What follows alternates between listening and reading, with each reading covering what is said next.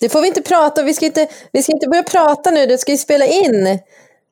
Ja, men det gör jag. Ja! Ja.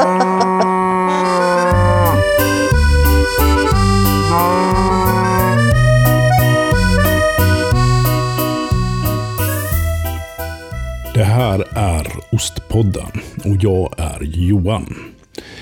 Välkommen tillbaks efter en alldeles för lång tid utan poddavsnitt.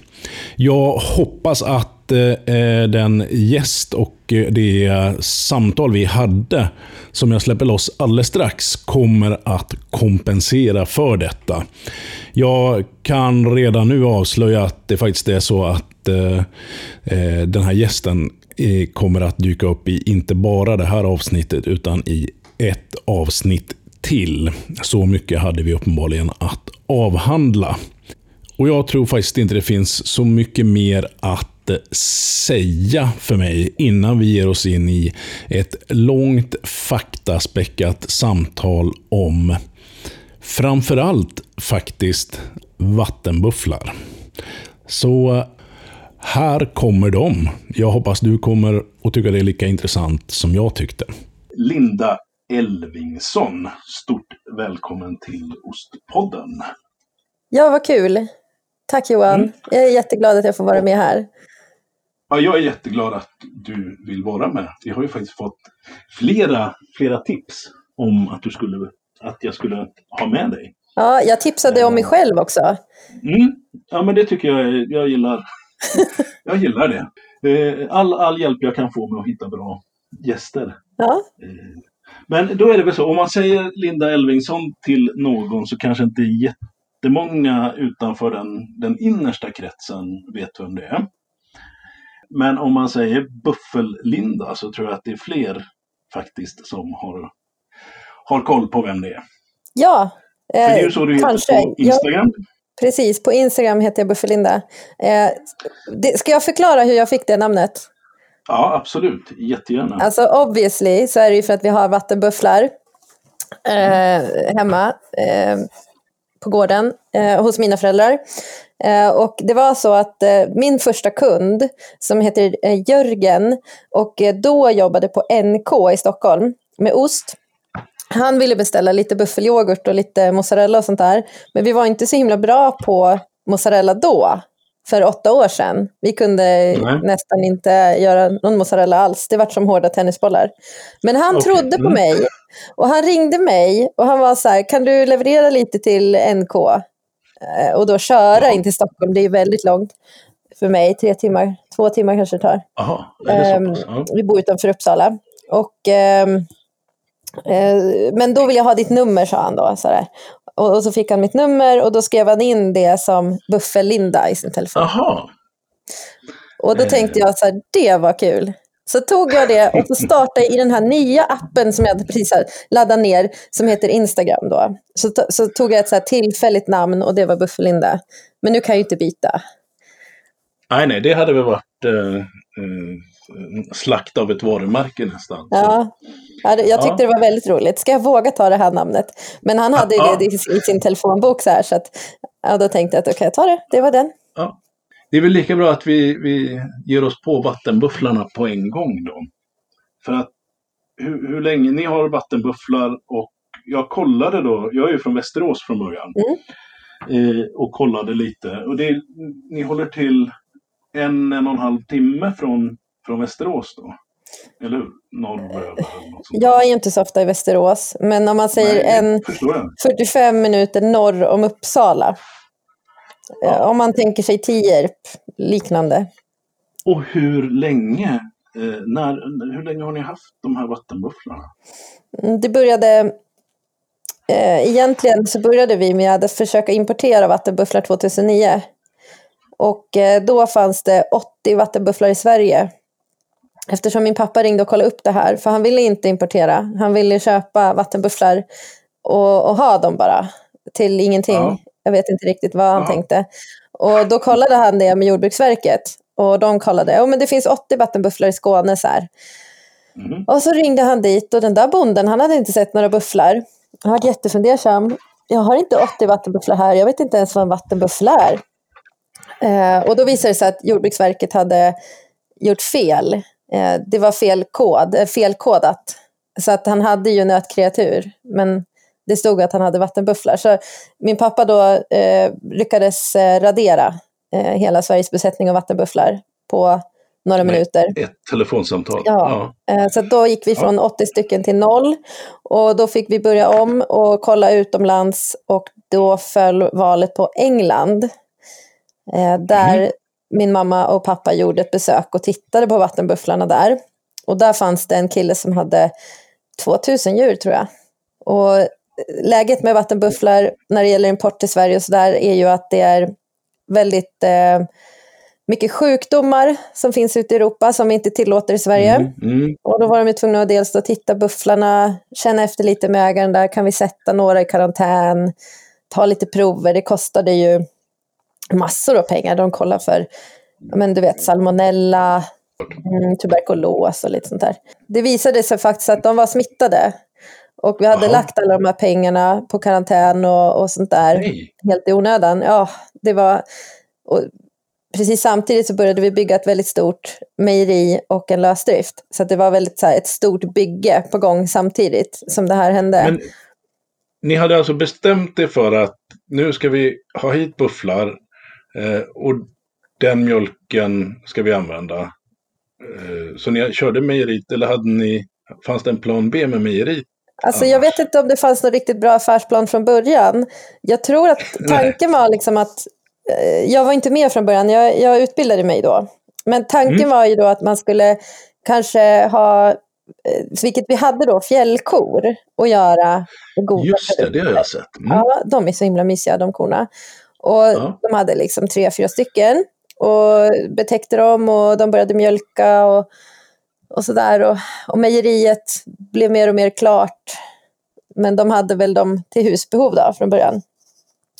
Och sen så började pappa med sin sån här, jag vet inte vad det var, någon slags midlife crisis.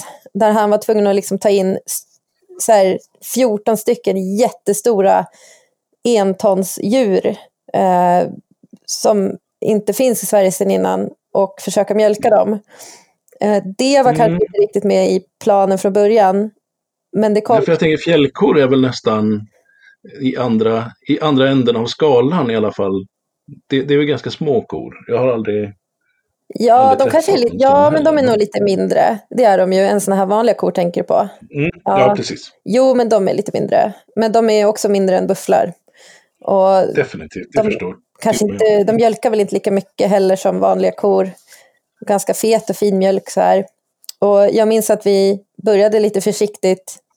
Mejeriet kanske stod väl klart 2011 eller så. Vi började lite försiktigt med ostkaka och ja, någon sån här liten hårdost. Vi gick i de här utbildningarna, Feldrimner och på lite olika ställen och lite yoghurt och så. Mm. Ehm, Men sen så fortsatte ju då tankarna på import och han fick tag i en annan gård i Tyskland där man kunde isolera djur och så tog han in dem, de var friska. Och då importerade Okej. han de 14 stycken. Och en stor tjur också. Och det Så var 14, vad heter det då? Heter det kor? Eh, heter det buffelkor? eh, ja, kor, Eller- ja, precis, Mm. buffelkor, Och så en tjur. buffelkvigor. De var dräktiga också så att de hade bebisar i magen. Så det var egentligen dubbelt så många. Aha. Oj, Ja, wow. Och så kom de hit och det var så här, jag har aldrig sett något liknande. Alltså de, Mm. de satt ju först i karantän på en annan gård. Men så kom de till vårt nybyggda stall då, en, en stor lösdrift. Och alltså jag har aldrig sett något liknande djur. Eh, första gången jag gick in i laggården så stod de där, den här rena, en helt nyproducerade laggården och liksom tittade på mig. Och så hade de såna här stora svarta ögon.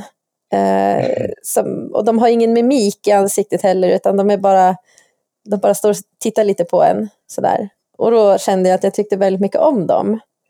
Mm, mm. Ja, och de är så svarta, håriga. Och de var väldigt små. Det här var kvigor. Jag tror att de kanske var tre år gamla eller något sånt. Två och en halv, Och för mig, för mig nu då, som, som vi måste vara väldigt pedagogiska med när det gäller den här biten. Ja. Kviga eh, har jag förstått en liten, någon special... Vad, vad betecknar det? Det är alltså en, inte en ko, alltså en, en ungdom. Som är ung, dräktig, ja. men hon har liksom inte kalvat. Så är det. Ja. Eller hon kan vara i, inte dräktig eller dräktig, men hon har i alla fall inte kalvat. Nej. Ja, och så det kallas, motsatsen kallas för tjur. Men det är bara för att hålla isär då, om det är en, ett djur som inte har kalvat eller har kalvat. Ja, ja just det. Jag har sagt mm. tre gånger. Men i alla fall, då, så att de var ganska små. Och, men jag tyckte de var så stora och de var så konstiga och de var fina och läskiga och, och sådär. Och min pappa då, han var ju väldigt så här, försiktig med dem i början. Och man får inte gå för nära och, och de kan bli arga kanske och sådär. Och så hade han ju hundarna med sig. Vi har två border collies. Mm. Mm. Mm. Och, så de, de, de kom ju där till oss på vårkanten, kanske i eh, mars-april någon gång. Så tänkte vi att ja, men vi måste ändå släppa ut dem i maj så att de får springa ut på bete. Så att de hade väl varit någon, några veckor inne i stallet. Men så när man släpper ut djur, då kan de bli så här ja. helt galna för att det blir ljust och, och stort så, här, så, att de hoppar omkring. Liksom. Men de ja, men det tror jag till och med jag har sett. Ja, du vet, sån här mm. kosläpp. Eh, Mm. Ska jag berätta det här eller? Får jag ja, göra en liten utsvävning? Ja, om, berätta så mycket du vill. Jag hade ju precis börjat lära mig tycka om dem och så tänkte vi så här, ska vi ha ett litet buffelsläpp? Ja, vi bjuder väl in så här, något gäng, någon kompis ungefär. Och så hade vi lite plaststolar och grillade någon korv och så skulle vi släppa ut de där odjuren. Och då sprang de ut, fattade ingenting. De kom ju liksom från Tyskland. Så att mm. de direkt försökte ju fly. Eh, så att de sprang ut i hagen och sen forcerade de ett stängsel. Sprang igenom nästa hage, forcerade även det stängslet. Och på vägen då så skrämmer de upp mammas eh, häst.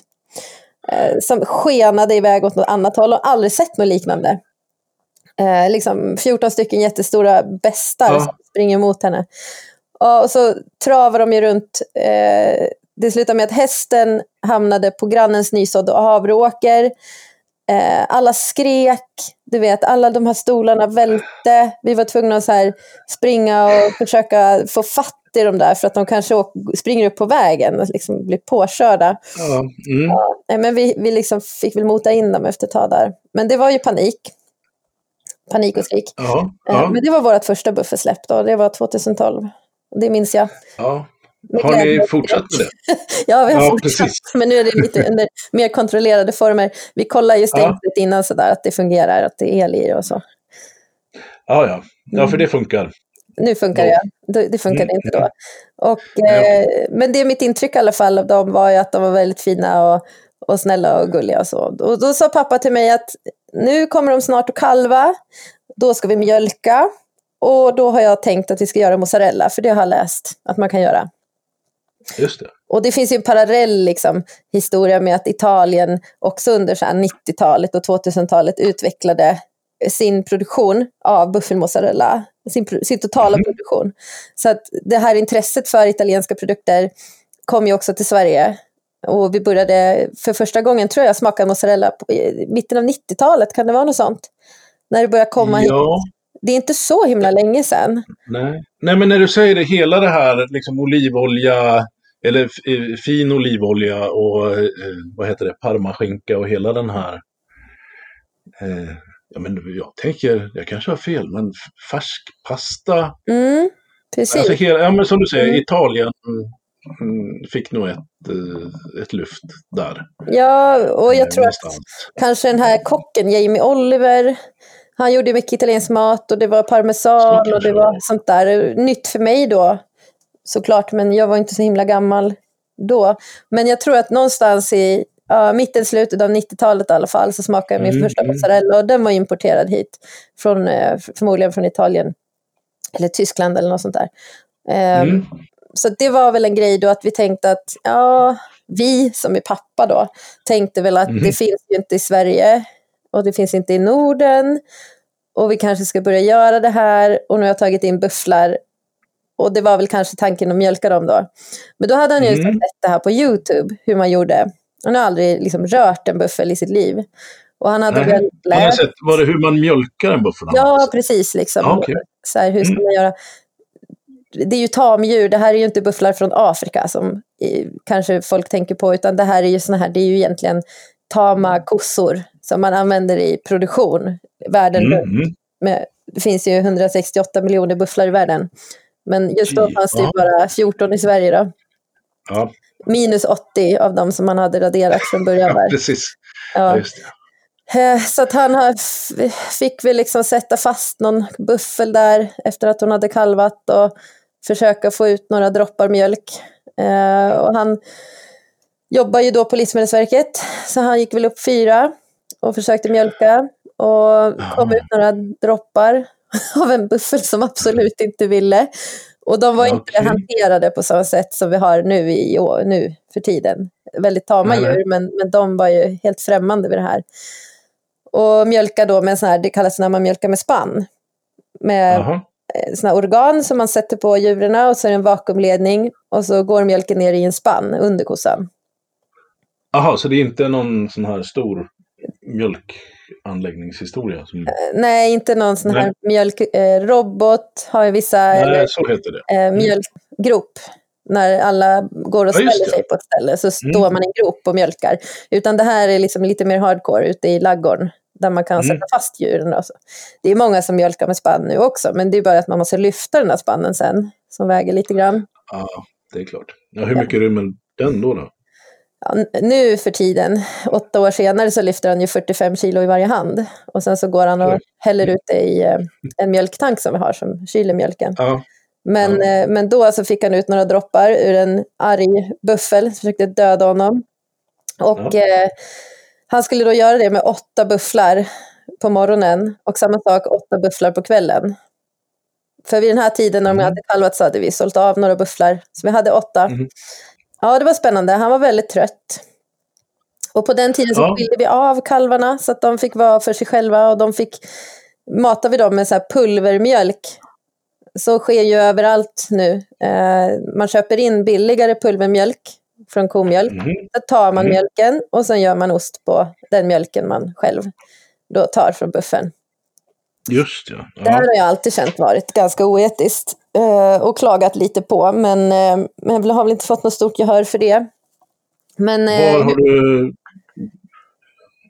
Har du klagat på det hos, rent generellt eller internationellt? Eller? nej, hos, hos hemma. Jaha, ja, ja. jag är ju livsmedelsagronom så vi har ju haft, varit på mycket på studiebesök och sett. Och jag har väl bildat mig en uppfattning och jag tycker väl att, att det känns jobbigt att man tar kalven från kossan. Mm, mm. Eh, Även om jag själv är uppvuxen på ett lantbruk och, och har en utbildning inom lantbruk så tycker jag ändå det. Men jag förstår att man rent rationellt eh, behöver göra så för att ta mjölken. Men nu Mm. så existerar det ju faktiskt ett försök på SLU där man har kvar kalven med kossan. Mhm. Och eh, om vi spolar fram åtta år så har vi numera kalvarna med sin mamma hela tiden. Ja, för det, jag läste ju, har ju läst på lite grann i alla fall. Då. Och, och det, bland annat, det snappade jag upp. Och det känns ju som att ni har en, eh, en rätt respektfull hantering av era djur. Hela vägen egentligen från, ja, fram till slakt också då. Ja, Eh, det ju känns som väl- att ni har ett, ja, men ett respektfullt tänk. ja det ju, vi har ett väldigt litet lantbruk jämfört med hur lantbruk kan se ut. Eh, Mm, nu mm. med mjölkproduktion. Så vi kanske kan göra så.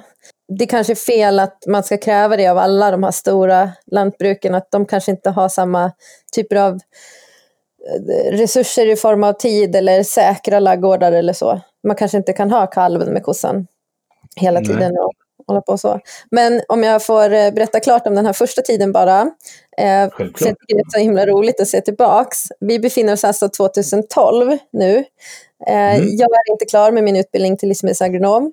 Min pappa mjölkar, eh, mjölkar stenar. Han sa att det är som att mjölka blod ur en sten. Det är att mjölka en vattenbuffel när den inte vill. Mhm. Och vi ska då göra mozzarella i vårt nya mejeri. Vi hade en kokplatta som man kan sätta en kastrull på, koka vatten. Mhm. Vi hade en annan kastrull som man kunde hälla mjölk i. Ja, det var väl det. och ett arbetsbord. och så tänkte Ja. vi så här, ja, så tittade vi på YouTube hur man gjorde.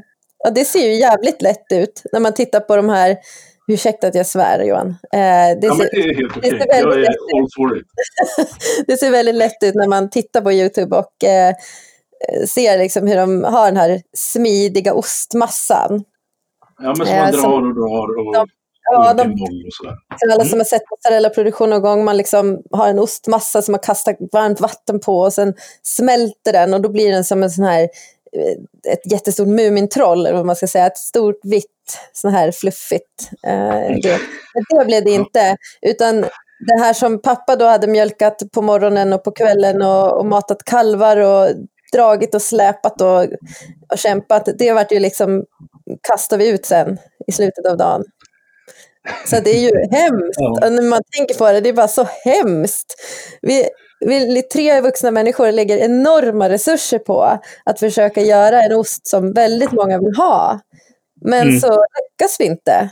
Därför att vi är dåliga på det. Och, Ja, ja, ja, Mm. eh, men, men det fick vi väl inse då. Att eh, vi har en massa akademisk utbildning, vi har gått kurser, men inte just i mozzarella-tillverkning. Och vi kan faktiskt ingenting. Den här mjölken liknar ingenting som någon annan producent har hållit på med, så det finns ingen att fråga. Eh, Den är liksom eh, jättehög fetthalt, det är hög proteinhalt. Ingenting stämmer. Den är vit, luktar kokos. Eh, ja, faktiskt. Eh, lite vitblå i färgen. Och ja. det är bara skitsvårt. Och jag tror att jag Men- försökte i typ ett halvår att bli bättre på det här. Mm. Vi försökte allihopa.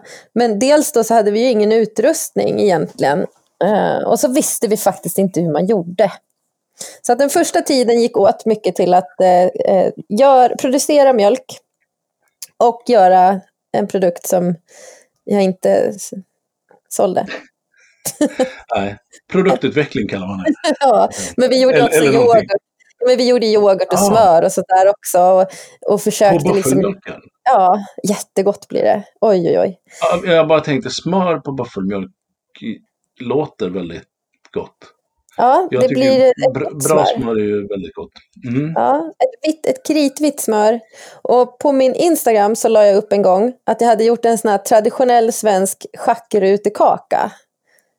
Du Mm. vet eh, de här, eh, vet du hur den där schackrutekakan ser ut? Vit, svart, svartvit. Ja, ja. eh, mörkkaka. Eh, Då hade jag gjort det med buffelsmör och kosmör. Aha. Så jag hade gjort, ja, den finns där, den vart väldigt fin. Ja, den ska jag scrolla fram. Man kan eh, eh, titta på den. Det var ett väldigt gott smör i alla fall. Ett rutigt Mm. smör gjorde jag. Precis. Du, får jag avbryta i mozzarella? Eh, Jag känner jag är inte riktigt klar med bufflarna nämligen. Nej, jag vet. Och det jag surrar ju på här. Eh, Det är lite jobbigt när jag berättar saker, för så kommer jag på något annat så vill jag berätta det också. Mm. Men Eh. det är, det är det som är trevligt. Ja, men fortsätt prata. Vi pratar om bufflar. Ja, precis. Eh, för jag, ja, men jag tänkte, vatt, det, visst är det vattenbufflar då? Och det heter vattenbufflar. Eh, flod, Ja. vattenbuffel. Mediterranean buffalo. Okej. Men de, det, det finns någon sorts, de gillar vatten på något sätt. Antar jag då, eller? Ja, det, de gör ju det. Eh, det är mycket kunder som frågar mig ifall de liksom behöver bo i vatten. Eh, Ungefär som Ja. eh, om de vore grodor. De behöver liksom ligga i vatten. Eh, men de är ju, man får tänka på dem, att de är som boskap. Det är Mhm. ju eh, egentligen som nötkreatur. Men de, är, de söker sig gärna till vatten. Mm. Gör de, när de, eh, de, har liksom in, de är inte så bra på att svettas. De har en hud Mhm. som liknar grisarnas hud. Eller Mhm. våran hud kanske, eller gri- grisarnas hud. Och sen så har de en, en päls som liknar vårat hår. Jaha. Eh, fast svart hår. Mm, Lite mm. glest så här. Så de har lite svårt att, att svettas egentligen. De ligger gärna i lera och vatten. Och om man släpper ut dem så att de får tillgång till vatten så händer det att de dyker och också går på botten och eh, simmar iväg någonstans. Så får man liksom leta på dem. De är roliga. För du, jag läste, de kan till och med beta under vatten va? de kan göra det. De tar såna här späda vassskott som växer där och, och de älskar ja. ju det. De kan, man kan se dem simma omkring med bara själva de här två hålen i nosen, näsborrarna, mm. Eh, bara näsborrarna ovanför vattnet. Som en liten krokodil. Ja. Liksom. Man undrar vad som är där under och då när de går upp så är det en jättestor svart hårig varelse. Ja. Ja, det, det, är det här som är så tråkigt med att inte kunna åka och, och träffa sina gäster. För det hade varit mycket roligare känner jag att få hälsa på dem där också. Ja, verkligen. Sommaren, det är så roligt. De får ju gå ner ja. till vattnet, för de renoverar ju en våtmark runt vår, en sjö som ligger här. Mm. Och det händer att vi släpper ut dem i vattnet. Men ofta så stängslar vi så att den, de inte kan eh, för, gå ut i vattnet för då rymmer de. Ja, de gör det. Ja, för jag tänkte säga det, de simmar inte iväg då? Jo då, de eh, gör ju det och tycker att det är lite spännande. Okay. Eh, men som sagt, de, eh, de gillar vatten. De behöver inte ha vatten för att överleva. Men det är precis som att man kan tänka sig att grisar inte behöver böka för att överleva. Men det är taskigt att inte låta grisar böka. Så att de gillar det. Mm. gillar ju det. Och kossor och, och bufflar, de gillar ju att beta gräs. Och inte bara äta mm. hö. Och höns gillar att sprätta med saker. Så att för att ha bufflar så är det väl eh, lämpligt kanske att man har dem i närheten av någonting som de kan mm. Eh, gräva och, upp och, och lägga sig i kanske. Oh. Det är inte så kul att mjölka en lerbuffel. Det blir som pansar. Men eh, man får försöka hålla dem undan just det där värsta. Ja, När man okay. har dem i mjölkproduktion då. Ja, jag kan förstå det. Men hur, de går ut, går de ute eh, hur stor del av året då ungefär? Vi släpper ut dem när mjölken, nej, mjölken, när marken bär här uppe i, i uh, mitten av Sverige här i Norduppland. Ah, okay. Det är någonstans runt maj. Mm, och då mm. finns det liksom lite bete, lite grönt bete. Det är fortfarande kallt på nätterna, eh, så de kan kanske inte gå ute dygnet runt, men de är ute. Och sen mm. eh, tar vi in dem permanent någon gång i början av november. Eh, men just nu då så släpper ju pappa ut dem eh, en stund varje dag ändå. Det tycker de bara är skönt. Mjölkerna pratar vi om. Ja. Vad, vad, vad är det som skiljer den? Eh, från, säg komjölk då, som, om man har det som referens ändå. Komjölk brukar ju ha en fetthalt på runt 5 procent. Mm. Eller hur? Mellan, är det inte mellan 4 och 5 procent? Ja. Det... Eh, beror på lite koras och så. Men eh, bufflar har en fetthalt på över 8 procent. Oj. Mm. Finns nog eh, någon koras som har det också. Men eh, bufflar har också en högre proteinhalt. Proteinet mm. ligger på 5,3 om jag inte minns fel, någonstans där. Och fetthalten på plus 8 procent. Eh, det är en vit mjölk därför att mm. de lagrar inte betakaroten i mjölken som gör att den ser röd ut eller gul, utan de lagrar det på ett annat sätt som gör att den är vit. det är lite som jätter där? Ja, jätter och får. Ja. ja. Så det är en vit mjölk. Eh, så att gör man smör och så får man ett vitt smör eller man får vit yoghurt och sådär. Eh, ostar blir vita också. Häftigt mm. faktiskt. Eh, ja. Och det, det, är svårt att jobba med mjölk som har så pass hög protein och fetthalt. Därför så passar den här mjölken väldigt bra till just buffelmozzarella. Och man har ju också avlat bufflar utifrån hur mycket mozzarella det har blivit på mjölken. Om man Aha, liksom håller ja. några hundra år. Man har ju gjort mm. mozzarella ungefär tusen år. Om man tittar då från Italien, i Napoliområdet. Mm. Ja, det blir 26 kilo buffelmozzarella på 100 liter buffelmjölk. Men om du gör på 100 liter komjölk, mozzarella, då ja. får du 10 kilo. Jag tänkte det, det är ju ett väldigt bra utbyte väl? Ja, det kallas för utbyte. Eh, men det här vet du, men inte lyssnarna kanske? Det vet jag inte. Nej. men vi får vara tydliga. Så att man säger att det är 26 procent utbyte då. Eh, vilket ja, gör att man kanske får en bättre ekonomi. Men å andra sidan, jag har ju berättat hur det är att mjölka en buffel. Och mm -hmm. eh, de mjölkar ungefär jag säga, 8 liter per dygn. Om man jämför det med en ko som mjölkar 40 liter per dygn.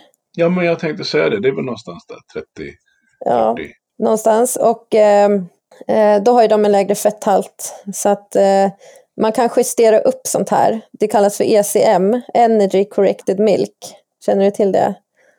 Det hade jag aldrig hört talas om. Men det innebär ju att man kan, eh, man kan säga hur mycket en buffel mjölkar per år och jämföra det med hur mycket ko mjölkar baserat på att man jämnar ut deras fett och proteinhalt. Ja, okej. Nu förstår jag. Mm. Jag hoppas det hänger med. För då kan man säga att en buffel mjölkar 4000 ECM per år medan en Mm. kossa mjölkar 10 000 e Ja. ECM. liter, eller kilo då, kilo, förlåt, 10 000 kilo eh, per år. Bufflar 4 000 kilo per år. Men då är det energikorrigerat. Eh, ja, Och det betyder i man- verkligheten, i verkligheten så mjölkar en buffel 2 000 liter per år. Vart det lite complicated nu? ja, det vart det. Men vi kan konstatera att eh, hur vi än räknar så blir det mindre än en ko. Det är mindre än en ko, eh, Mm. men det har högre fett och proteinhalt. Så att Ja. man får mer ost ifrån det. Du gillade vattenbufflarna på en gång när du träffade på dem, sa du tidigare. Ja, Så stämde det då? Var de lika mysiga som de såg ut? alltså jag eh, på åtta år har ju fortfarande inte gått in till vattenbufflarna särskilt mycket. Alltså att jag står med dem. Eh, Nej. för att då blir jag lite stångad, eller inte stångad, men de håller på ska buffa på mig och kolla vem jag är och hävda sig mot mig. Men eh, Jaha. när min pappa går in så dels så stinker han ju buffel. De tror ju typ att han är en av dem. Mhm. Och de frotterar sig med honom. Och de är verkligen, man ser hur mycket de älskar honom. Så att de gör ju skillnad på vem som tar hand om dem. Ja, okej. Så det är inte Mm. mitt jobb att mjölka till exempel, utan det är min Nej. pappa och min man som mjölkar de här bufflarna. Jag är mest i mejeriet. Ja, ja. Mm. Men jag tycker ju ändå mycket om bufflarna, det gör jag ju. Men jag är ju inte, vad ska man säga, jag hänger inte med dem speciellt Nej. mycket. Eh, kossor har ju kanske ett, eh, kan ju ha ett lite lugnare temperament tror jag. Eh, men de har också förmågan att sparka till en ifall man mjölkar, om de inte vill, så kan de sparka. Eh, Ah. det gör inte bufflar. Och Nej. de står och de är lugna och de står och tuggar och kan acceptera sin verklighet. Eh, men eh, vi har ju haft problem med smygande tjurar och sånt där. Aha. Alltså- är det så? Ja. Du vet när, när tjurarna blir könsmogna så kan de ju bli lite luriga. Och då kan de Ja, liksom ljudlöst förflytta sig. Och helt plötsligt då så har de ju stått bakom pappa till exempel. Utan, Jaha. ja, det är lite läskigt att ha sådana där djur. För att man vet inte riktigt Ja, varför de ja. gör sådär. Men det är ju för att de vill eh, visa vem som bestämmer. Så att det är Mm. klart att de i sitt temperament har eh, olika nivåer. Beroende på om de har kalvat och inte. Och om de mjölkar eller om de är hungriga. Eller om, om du är ny för dem. Så beter de sig lite olika. Men ja, och jag tänker, är det likadant ute? Att, eh, om de är ute i, vad heter det? Hage eller häng? Ja, hage. Ja. Så, ja. Eh, eh, kan man... Eh, är de mer avslappnade där eller vad man ska säga? Eller är det ungefär likadant? Att man ska... Att Ja, de är, gör väl- skillnad på folk och folk? Det är en bra fråga faktiskt. För att där ser man väldigt stor skillnad. Kossor, antingen så ställer de sig längst bak i hagen och glor. Och bara så här, vem är du och varför stör du oss? Mm. Eh, kommer inte fram, eh, står och tuggar, tittar lite. Kan vara lite skygga. Men Mm. okej, jag har inte träffat alla kor, men de jag har träffat. Eh, medans, Du har eh, träffat fler än jag, garanterat. Ja, okej. ja. Men jag försöker alltid gulla med kor, men de är alltid misstänksamma mot mig. Men Ja. medan bufflar, de så här, kommer fram som en böljande massa. Liksom, och Oj. ställer Mm. sig och hänger över staketet och vill bli klappade och kliade och mysa med dig. Så Mhm. det är skillnaden. De är väldigt så här, eh, trofasta och sociala. Man kan ju få bufflar lika tama som en hund. Faktiskt. Och vi, vi har ju en buffel som är sån. Att hon eh, är väldigt, väldigt tam. Hon lägger sig gärna ner och vi blir kliad på, på djuret och tycker mysigt. Men de är alltså då i storlek så är de ju en bra bit större än även den största hunden. Vad sa du, ett ton? Nej, jag kanske överdrev lite. 850 kilo, något sånt där kanske. Ja, ja. 700-800 kilo. Ja. Men det är ju skapligt. ändå. Ja, och vi har ju inte haft några liksom, tjurar som blir så mycket äldre än tre år heller. Så att eh, de brukar inte väga så, så mycket när man slaktar dem heller, för de hinner aldrig bli jättestora. Eh, Men är det, är det kos, eller vad heter det? Jo, korna. Ja, Är det de som blir störst hos er då, eller? de, de blir det, de blir ju äldst liksom. Vi har aldrig tagit bort någon ko. Nej, okej. Vi har kvar alla originals från början. För Jaha, att, eh, sen 20, vad sa du nu då? 12. 12? Ja. Så, så de är väl, en, ja vad blir de då? 10 år, 12 år gamla vissa. Mm, mm. Och så har de ju fått många barn som bor hos oss också. Ja, hur många, hur många bufflar har ni nu? Ja, det varierar lite grann. Eh, frågar man pappa så står han i flera minuter och typ räknar högt i huvudet. Mhm. Så jag orkar aldrig riktigt jag orkar aldrig riktigt ta reda på det. Men det är väl ungefär 45. Ja, För han har dem på olika ställen, så står han och räknar högt. Så här. Och så, men inte den, för den gick till slakt. Och ja, hur var det med 72an? Ja, jag vet inte, men hon, ja, hon står inne i laggården. Hmm, 15, 74. Så att man är så här, nej, eh, okej, ungefär 40. Ja, men 45. ja. Ja. Eh, så att, eh, nej men de är väldigt eh, trevliga. Jag är glad att vi har dem. Mm. Och hur har det liksom, har det spritt sig i landet? Det här? Finns Ja, det men- några mer bufflar nu eller? Men det gör det. Eh, dels så var det då en väldigt eh, trevlig tysk familj som bor nere i Halland någonstans, eh, som också faktiskt importerade djur. Eh, först importerade de väl eh, en köttras och sen eh, även en mjölkras. Det finns lite olika raser mellan bufflarna. Mm, mm. Sen så har väl, ja, vi sålde ju av några från början och sen så har väl liksom alla gårdar helt enkelt fått fler djur och sålt av djur i den takten de blir äldre. Ja. Jag vet Ja, ja. inte om det kanske rör sig om en sex sju gårdar i, i, idag som har bufflar i Sverige. Eh, Mm. Det finns eh, totalt två mejerier som gör mozzarella. Eh, Mm. ja, sen finns det väl inga andra mejerier. Och sen så är det väl folk som har dem både som så här sällskap, våtmarksrenovering, vilket de är mycket duktiga på. Ehm, ja, Bara snabbt då. Vad, vad är våtmarksrenovering? det är när de får gå omkring och typ välta buskar, göra jättestora hål och ligga och jäsa liksom i det och äta. Jaha, Eh, så att, det är ju ehm, ett ganska skönt jobb låter det som. Ja, men det passar dem väldigt bra. De kan gå i det här, för de har speciella, ganska stora fötter. Eh, Så att de eh, sjunker inte ner på samma sätt som en ko hade gjort. Plus att de gillar ju att sjunka ner. De är inte rädda för det. Nej, okej.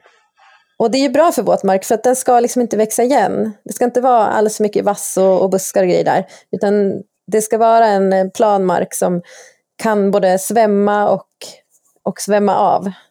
Eh, därför att näringsämnen sedimenterar i våtmark. Istället för att åka ut i sjön. Men har man för mycket träd och sånt där så får man inte samma effekt. Så det är de ju väldigt bra på, att de eh, gör rent hus. Ja, men jag förstår, vad kul att man, Mm. kan, att man kan använda le, levande eller arbetskraft på det sättet istället för maskiner och grejer. Ja, precis. Man använder ju maskiner annars. Ja. Man, man liksom Mm. fräser, kostar ju mycket pengar. och ja. eh, Sen så har man väl gjort försök med får och andra djur, men då finns det liksom en del parasiter som lever i sina områden, som de är känsliga Mm. för. Och det är ju inte bufflar på samma sätt, eftersom de eh, traditionellt har levt i sådana områden. Så de har viss resistens. Det låter ju som att de är... Eller de är väl som gjorda för det då? De är väl det, ja, och det är deras naturliga Ja, beteende också. Så att man får Ja. eh, två flugor i en smäll här. ja. Men du, vad, mm, vad har vi missat med bufflarna nu då? Undrar du något? Jag undrar säkert jättemycket. Jag återkommer säkert till det också. Jag, Ja. Jag vet. Men- de, de har, de har Ja. fyra spenar, Jaha. inte två. Som, många tror att de har två spenar. Varför det? Nej, jag vet inte. Nej. Jag trodde får har fyra spenar, har de inte det? Eh, ja, om, om, Fick, fick jag reda på att det var bara två spenar och så fick jag en sån här aha-upplevelse. jaha, Men bufflar har fyra spenar fyra spelare. Och det Mm. har kor också, eller? och kor också. Men hallå, Ja. Johan. Jo, men det var ju det. Jag utgick från det. och Det var därför jag blev så förvånad när du sa att bufflar har fyra spelare. För jag tänkte att eh, lite samma är det väl? Nej, tackan, Mm. tackan och geten har två. Jag googlade. Ja. Två spenar. Eh, elefanter och apor har också det. Men här står inte hur många bufflar har, men det är fyra i alla fall. Det är fyra. Mm. Mm. Ja, men vad bra. Då, då har vi rätt ut det. Ja, Eh, jag, lär mig så, jag lär mig så mycket med podden här. Jag lär mig att eh, jag lär mig mycket om Sveriges geografi också, för det är något som jag inte kan. ja, ja men det är väl bra. Ja, Ja, det där var alltså Linda Elvingsson. Och om du inte är med på varför hon kallas Buffel-Linda efter det här snacket så får du backa och lyssna på det på lite lägre hastighet en gång till. Men eh, skynda dig att göra det för att eh, någorlunda snart så kommer det som sagt att släppas ett avsnitt till där vi eh, dyker ner i det som är förlängningen så att säga av att ha vattenbufflar. Själva mozzarellan och lite andra ostigheter. Men det här var allt för det här avsnittet. Eh, som vanligt så eh, hintar jag om att följa oss på Instagram och Facebook. Följ gärna Cityysteriet Gbg också på Instagram. Där eh, finns mina ostmakaräventyr. Vet du någon eh, annan människa som skulle må bra av lite eh, ostsnack? Tipsa gärna vidare om Ostpodden. Och med det sagt återstår bara det här att säga. Det här har varit Ostpodden. Du har varit tapper. Tack så mycket för att du har lyssnat. Vi hörs snart igen.